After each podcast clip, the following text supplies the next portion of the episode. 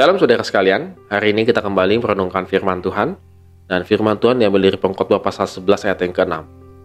Taburkanlah benihmu pagi-pagi hari dan janganlah memberi istirahat kepada tanganmu pada petang hari karena engkau tidak mengetahui apakah ini atau itu yang akan berhasil atau kedua-duanya sama baik.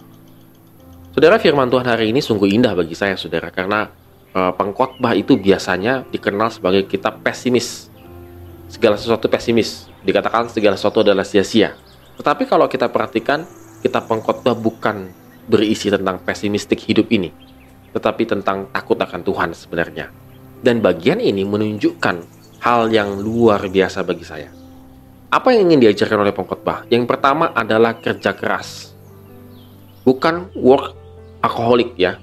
Jadi kerja tanpa batas waktu.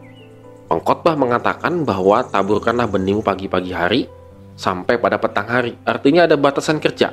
Wajar dari pagi sampai petang, sampai sore hari. Maka dia bekerja.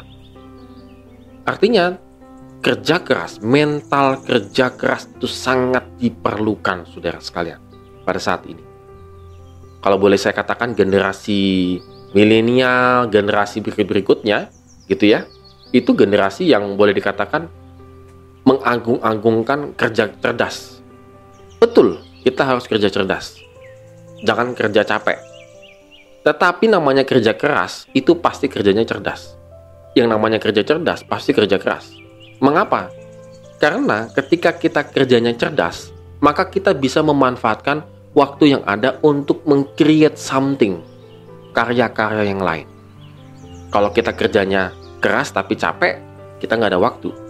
Tapi kalau kita kerja keras untuk menghasilkan uh, efisiensi waktu, maka kita bisa menggunakan waktu itu sebaik-baiknya untuk menciptakan karya-karya yang lain. Nah, saudara sekarang ini penting sekali bagi saya, karena bagaimana kita kerjanya keras tapi juga kerjanya cerdas. Saya rasa banyak sekali eh, anak-anak uh, muda zaman sekarang mungkin yang kerjanya itu pengennya enak, Nah, tapi nggak mau kerja keras. Itu dia. Akhirnya ikut pesugihan gitu ya, saudara. Banyak kan anak muda yang sekarang pada saat ini saya lihat ya begitu ya. Pengennya gajinya tinggi. Tapi kalau disuruh jualan nggak mau begitu. Ya nggak mungkin. Pengennya kerjanya uh, dapat levelnya tinggi. Tapi disuruh kuliah nggak mau. Lah, dari mana gitu? Nggak apa-apa. Nggak kuliah, nggak apa, nggak apa-apa. Tapi bagaimana tunjukkan apakah engkau memiliki daya juang? Kalau dulu mantan menteri e, perikanan yaitu Ibu Susi, itu kan cuma tamatan apa begitu ya. Tapi dia kerja keras tapi juga dia memakai otaknya. Sehingga dia berhasil dalam hidupnya. Nah yang kedua saudara, apa yang diajarkan oleh pengkhotbah yaitu Tuhan akan memberikan keberhasilan. Ketika kita kerja keras, memanfaatkan waktu dengan sangat baik, dan juga menggunakan apa yang ada pada kita, maka Tuhan yang akan menentukan keberhasilan itu. Dikatakan engkau tidak tahu mana yang berhasil, ini atau itu atau kedua-duanya, nggak ada yang tahu. Tapi yang engkau tahu adalah pastinya Tuhan yang akan memberikan keberhasilan. Sehingga keberhasilan itu tidak engkau klaim semata-mata sebagai kerja kerasnya saya. Tetapi keberhasilan itu engkau klaim ini adalah dari Tuhan. Nah, ini sangat penting, saudara. Supaya kita tidak menjadi jumawa, menjadi sombong, saudara. Banyak orang yang sudah mapan, sudah mampu, dia pikir karena kerja kerasnya dia. Tetapi sebenarnya itu dibalik itu semua itu adalah anugerah Tuhan semata. Di sini penting sekali bagi, bagi pengkhotbah. Sehingga ketika engkau kerja, engkau dengan kerendahan hati bahwa Tuhan yang akan memberikan keberhasilan. Maka engkau akan sungguh-sungguh uh, melakukan pekerjaan tersebut. Dan yang ketiga, saudara sekalian, tidak memilih yang enak-enak saja, kerjakan tugas kita ini atau itu, itu atau ini dengan sebaik-baiknya. Kita pengen berhasil, tapi pengennya kerjanya yang enak-enak saja, yang tadi saya sebutkan begitu ya. Kalau yang tidak enak, kita nggak kerjakan.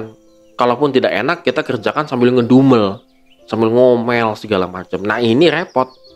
Maka kita tidak akan berhasil, kata Tuhan. Maka karena, karena engkau tidak tahu mana yang berhasil, tidak yang berhasil, kerjakan saja tanpa memilih. Karena kita tahu, kita nanti akan merasakannya ketika someday kita akan tahu. Saudara sekalian, ketika saya uh, melakukan satu pekerjaan yang kadang-kadang saya bingung. Ini tuh untuk apa saya kerjain ya? Hasilnya apa? Tapi ketika saya berkeluarga, saudara, saya jadi ngerti kenapa Tuhan izinkan saya melakukan pekerjaan tersebut. Ternyata ketika saya berkeluarga, itu sangat amat bermanfaat dan menambah nilai skillnya saya. Kerjakan saja tugas kita. Sadar tidak sadar itu malah menambah skillnya kita, keahlian kita. Tetapi kalau kita malas, saudara sekalian, maka jangan pernah berharap untuk berhasil. Kiranya Tuhan memberkati firman Tuhan hari ini, renungkanlah dan lakukanlah. Amin. Tuhan Yesus memberkati kita semua.